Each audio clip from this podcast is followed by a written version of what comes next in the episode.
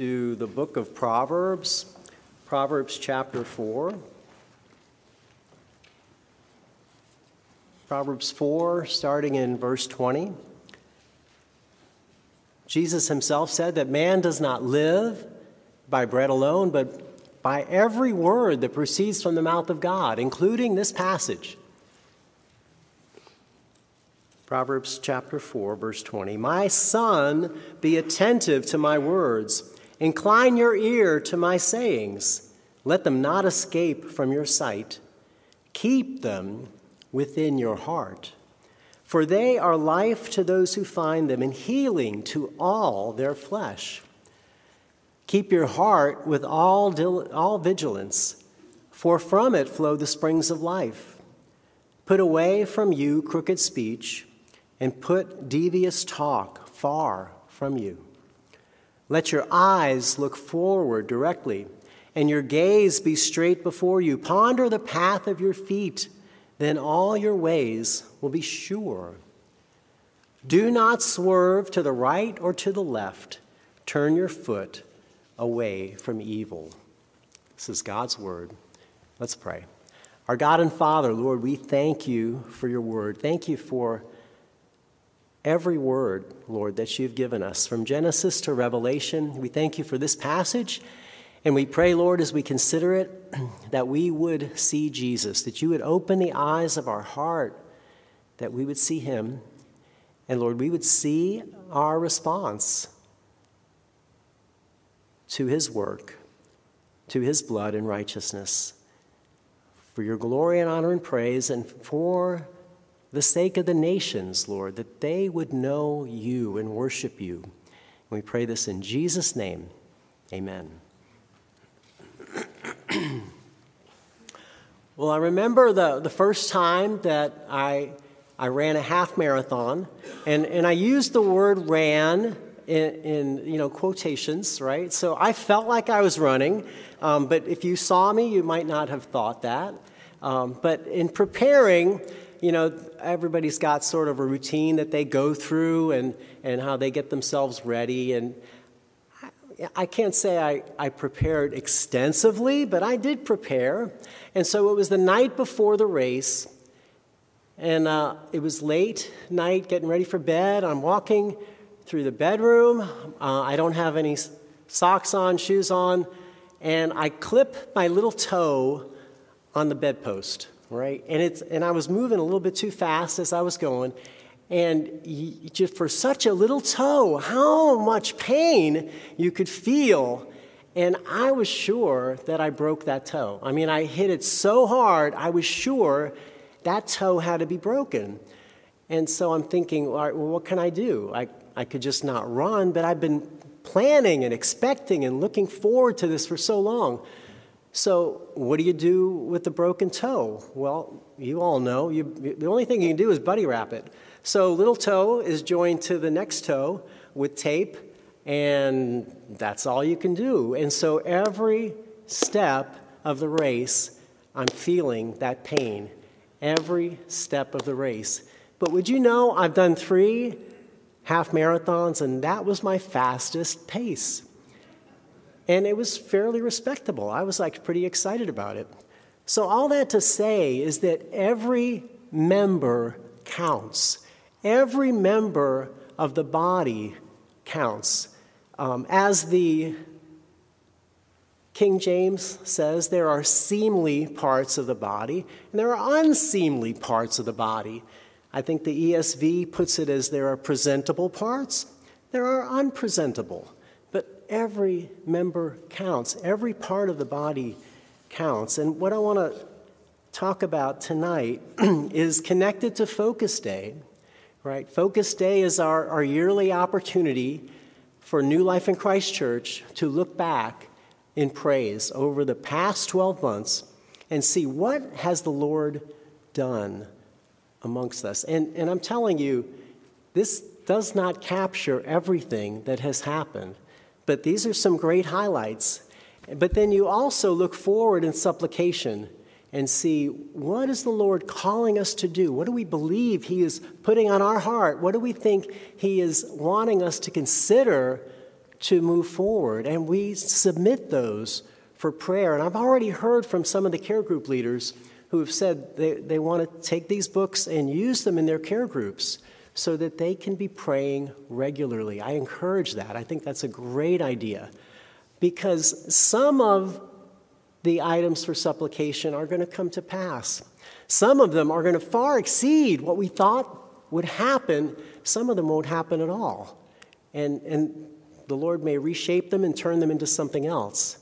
But we look to the Lord, and every member of this body is going to be necessary to see God's kingdom come, God's will be done on earth as it is in heaven. So I ask each of you if you're here tonight, more than likely you're already heavily invested. But, but what's, what's your role? But also, what's your role in bringing somebody else along? Who's the person that the Lord's laying on your heart to buddy wrap yourself to so that you can get them moving along too? Because there's a lot more people that the Lord wants to see used, to see find value in the body, to see them participate in what He has for them. And so, knowing that every member counts, it gives us a greater picture of what the Lord can do. And of course, the fields are white unto harvest. So, how many more might the Lord bring in? That's what we want to imagine. That's what we want to see. That's what we want to be encouraged by. So, tonight we're going to look at Proverbs. It's a practical book, but what I just want to pull out of this short section is just a very simple method of making disciples.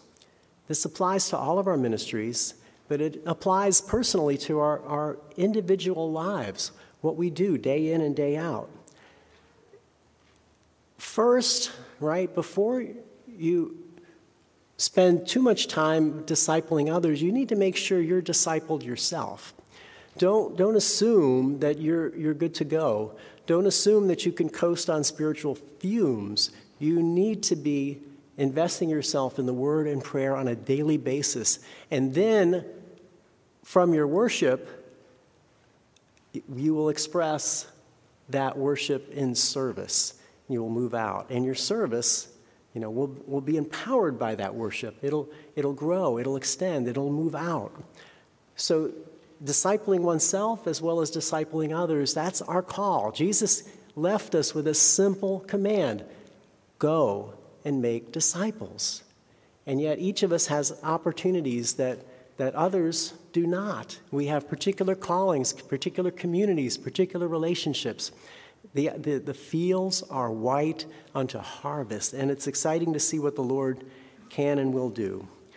So, the call to make disciples is a, is a call to submit our entire lives to the rule of Christ, our entire lives, every part of us our heart, our soul, our mind, and strength, and it's an ongoing effort. And so, how do we do that? Well, we do it using this pattern that we see in Proverbs. First, you know, the familiar refrain that we see we see a father speaking to a son, we see a mother speaking to a daughter, a parent to a child. I mean, fundamentally, discipleship begins with a relationship. It begins with a relationship in which there is a teacher who knows something, and then there's a learner who wants to learn, who wants to know something. And what is that knowledge? The knowledge is the content of the Word of God. It is the gospel, it is the scriptures, it is the, the Word of God. Now, every teacher is going to have some level of limitation. And you think, oh, if I just, when I learn a little bit more, then I'll be ready to share what I have. Well, guess what? You're already sharing what you have, it's already spilling out of you. So don't, don't wait, just do it in a more disciplined manner. The Apostle Paul expresses how this works um, over a dozen times, but 1 Corinthians 11 1 gives us the example. He says, Imitate me as I imitate Christ. So, for every disciple, you are a follower of Christ first and foremost but you also have examples all around you. And so every one of you, I can look at you and I can follow you as you follow Christ, every single one of you. Male, female, old, young, we have these opportunities all around us to follow as you are following Christ. So, the other element, in addition to relationship, the other element of discipleship is an environment. So, we have a relationship and we have an environment. The environment is the, the place in which this knowledge is passed on. Now, sometimes we think of, well, discipleship happens in a classroom, in a Sunday school, and that's a kind of environment, but that's not the only environment. And really, discipleship seems to happen most effectively when it's just out and about, going around, and, and we, see, we see the pattern all the way back in Deuteronomy. So if you look in Deuteronomy, which you know is Moses' preparation of the people of Israel to go into the promised land. So he goes through the entire law, the Ten Commandments. He exposits those Ten Commandments and he's preparing them. What does it look like to live in the promised land? And he begins in, in Deuteronomy 6 4 Hear, O Israel, the Lord our God, the Lord is one. You shall love the Lord your God with all your heart and with all your soul, with all your might. And then what does he say in verse 6? The content of discipleship. And these words which I command you shall be on your heart. They shall be on your heart. Why, shall they be, they, why do they need to be on your heart? Why do they need to be written on the tablets of your heart? Why do they need to be just a part of the very fabric of your being? Why? Because of the environment that you'll be in as you teach them. Verse 7 You shall teach them diligently to your children. Now remember, the Apostle Paul didn't have physical children, he had spiritual children. Titus was his true son in the faith. Timothy was his true son in the faith. So you, New Life in Christ Church, you have spiritual children. You have others that are coming behind you that are learners that want to grow. So you shall teach them to your children diligently. You shall talk of them. When? Only when you're in the classroom? Only at certain times during the day? No, you shall do this when you sit in your house when you walk by the way, when you lie down, when you rise up. So there's no limitations. Wherever you are, there's an opportunity for discipleship. Uh, some, I'll, I'll put myself on report. Sometimes I, I overly constrain what I think discipleship is to be, and I miss opportunities to just do discipleship as I'm going. And I'm pleasantly surprised when those discipleship opportunities just organically happen whether it's just out in a parking lot or in a coffee shop or walking along and doing something that I hadn't planned to do, and then all of a sudden the Lord presents an opportunity for the gospel to be shared and for life to be changed. And so these opportunities are there all around. So the relationship and the environment are two integral parts of discipleship. But if discipleship has those two aspects, relationship and environment, I want you to quickly, if you have your Focus Day booklet, there's some extra ones out in the foyer. You could, you can just peruse it on your own as you have some time. But what, what you'll see, you'll see the environments and you'll see the relationships throughout all of the ministries of New Life in Christ Church. The purpose for every ministry of New Life in Christ Church is to make disciples, to bring people under the rule of Jesus Christ. And so it starts on Sunday. It starts with the public proclamation of the preaching of the Word of God in the house of the Lord. Now, this is a sanctuary, this is the house of the Lord. But show up on any other day of the week, and it's going to be something else. It's going to be a different environment. It's not going to look like this. But that environment is going to be used for the discipling of children, for the discipling of youth, for the discipling of young people, of young adults, of older adults, of all sorts of people. Care groups, right? Where, where do care groups happen? Well, it depends. There's a care group that happens at New Life in Christ Church on Wednesdays around a dinner and it's a raucous time where people are engaged and talking and interacting and, and the gospel's being shared. And then there's another care group which is a little more low key that happens in the fireside room and it happens during the day. And then there's another care group that happens via Zoom online in another environment. And then the majority of the care groups of those 18 happen in homes. Homes all the way out going towards King George east, going towards Locust Grove to the west, going up to North Stafford, going down to Lower Spotsylvania, and everything in between. And each of those homes looks a little different. Some of those homes are cleaner than others. Some of those homes offer a dinner and snacks. Others are a little more Spartan. But you have everything in between. And discipleship is happening in each of those environments. And then you can continue on. ESOL happens in classrooms, but ESOL also happens via relationships in the community between members of New Life and students of ESOL. And it might be running an errand or going somewhere or doing something or buying something. Arts and drama, right? The environment might include musical instruments, it might include props, it might include sheet music or scripts, but the environment changes. But the core point of similarity is that disciples are being made. Christian Service Brigade and Pioneer Girls, right? There's classrooms, but then there's also tools, there's kitchens, and then there's campouts, and then there's cabins. And all of these opportunities are happening to provide an environment and to build bridges and relationships for discipleship. So the Lord continues to give us new opportunities and new ways in which to advance His kingdom. And, and we need every member. We need the seemly and the unseemly. We need the presentable and the unpresentable. We need every member. So, after, as we consider these two aspects of discipleship, right, let's look at two commands in Proverbs chapter 4. Two commands these are principles that are necessary in discipleship. And we see the first, which is a positive command, in chapter 4, verse 23 keep your heart with all diligence, with all vigilance, for from it flows the springs of life. Keep your heart with all vigilance, for from it flow the springs of life. So that's the positive command.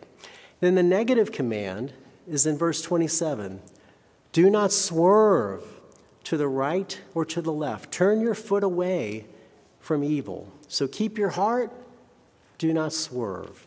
They're like two, two sides of the same coin that complement one another, but that are necessary. The two must come together.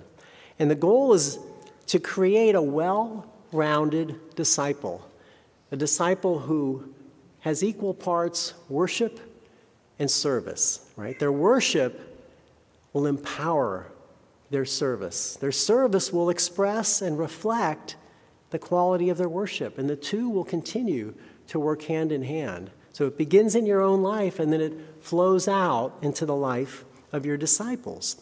It's like the worship is planting the seeds, and then the seeds are tended and grow up, and then the service is the fruit, it's the example and, and you see the, the fruit of what happens. Worship plants the seed of the word in your heart, and as it's cultivated through the trials of life, through difficulties, through experiences, through training, as it's cultivated, then it bears fruit. That's expressed in service. So the, the Father's instruction, his words and sayings, we see in the beginning. The, the Father encourages the Son Incline your ear to my sayings. Let them not escape from your sight. Keep them within your heart. Keep them within your heart. Why? Because they are life. Verse 22 to all who find them. They are healing to the flesh. The Word of God is what Jesus commanded us to feed upon, to feed upon His Word, to take nourishment from His Word, it begins there.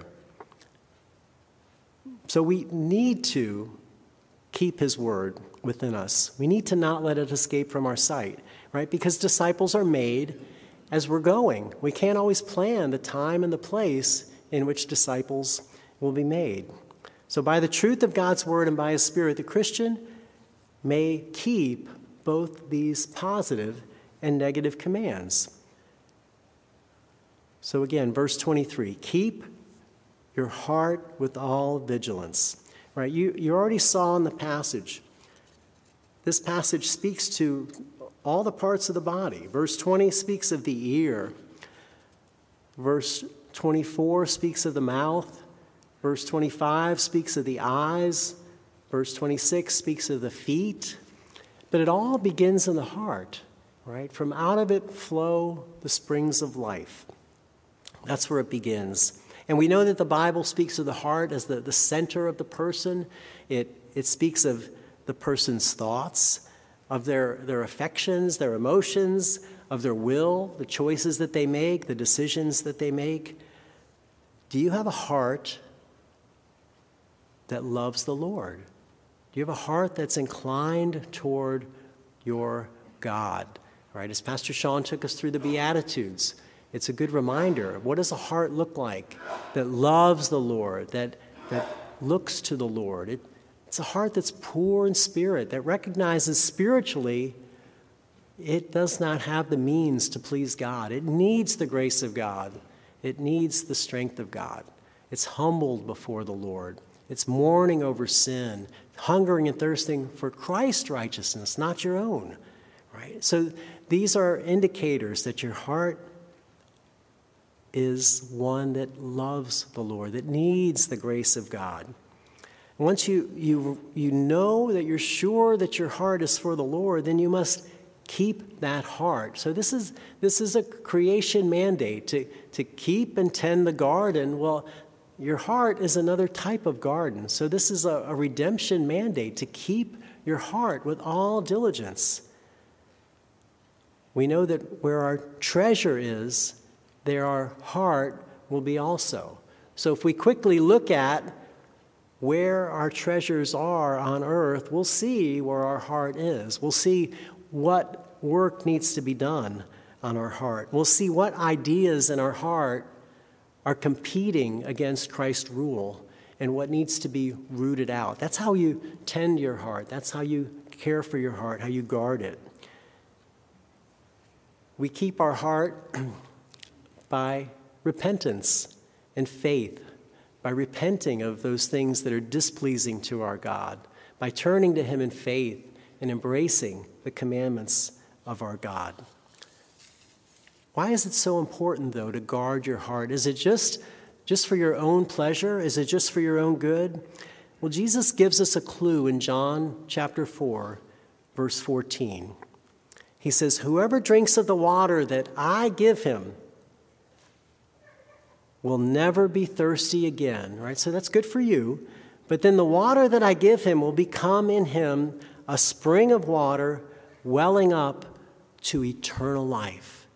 So that spring of water that's welling up from within you, that's pouring out, is going to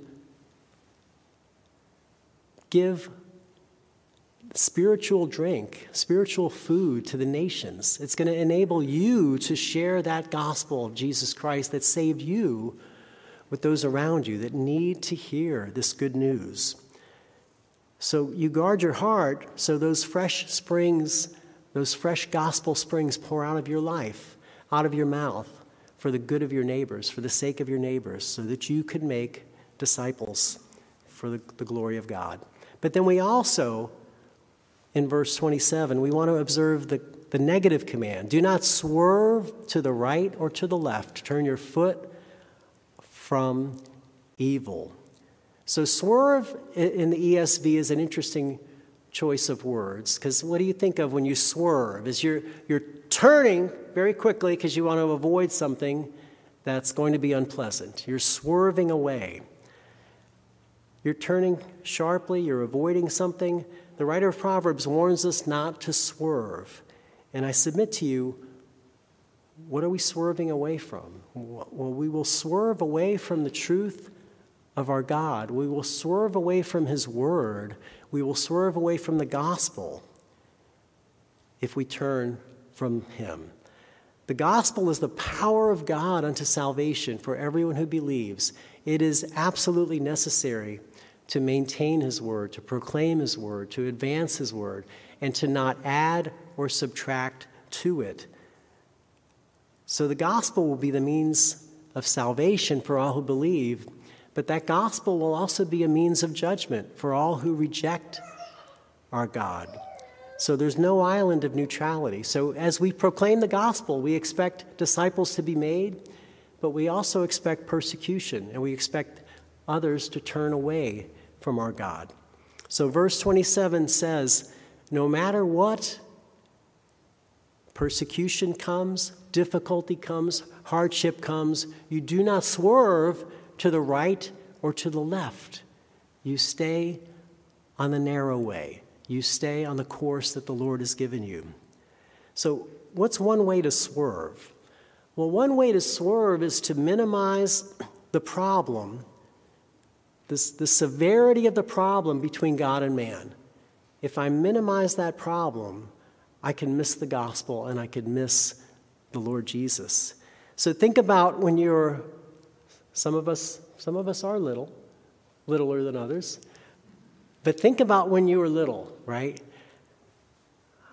As a child, I remember being afraid of monsters.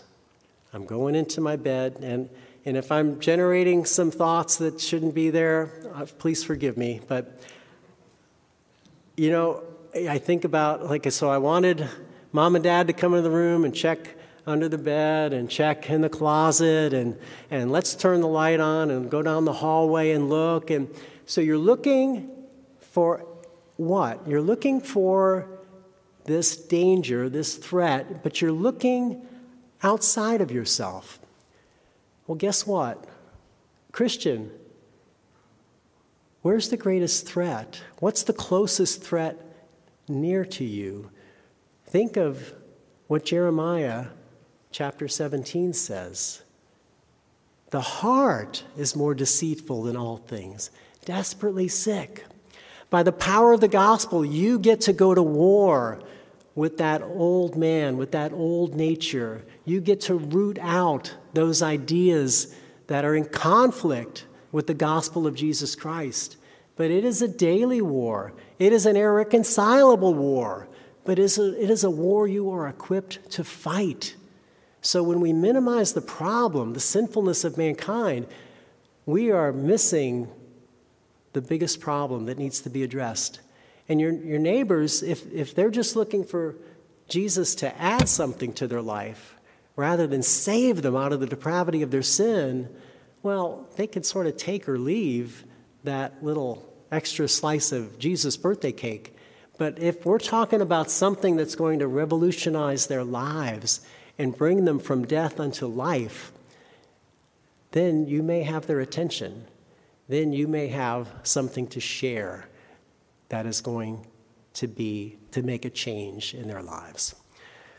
So we don't want to minimize the gospel. We don't want to swerve to the right or to the left.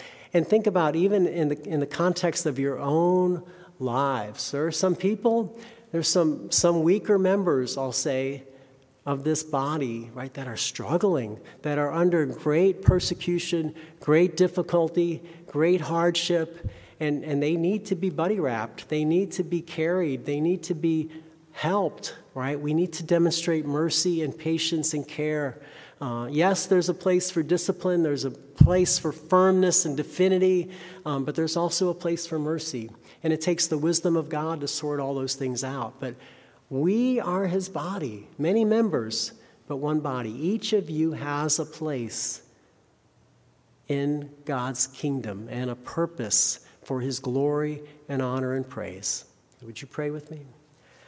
Our God and Father, Lord, thank you for your word. Thank you that you feed us on your word. You sustain us, Father, even in the difficulties of life. Lord, give more grace so that we would not swerve to the right or to the left Father, help us to keep our hearts so that we can then not just see our advance in grace and truth, but also for the sake of our neighbors, that we would see your kingdom come, Father, in this community and to the ends of the earth. We pray this in Jesus' name. Amen.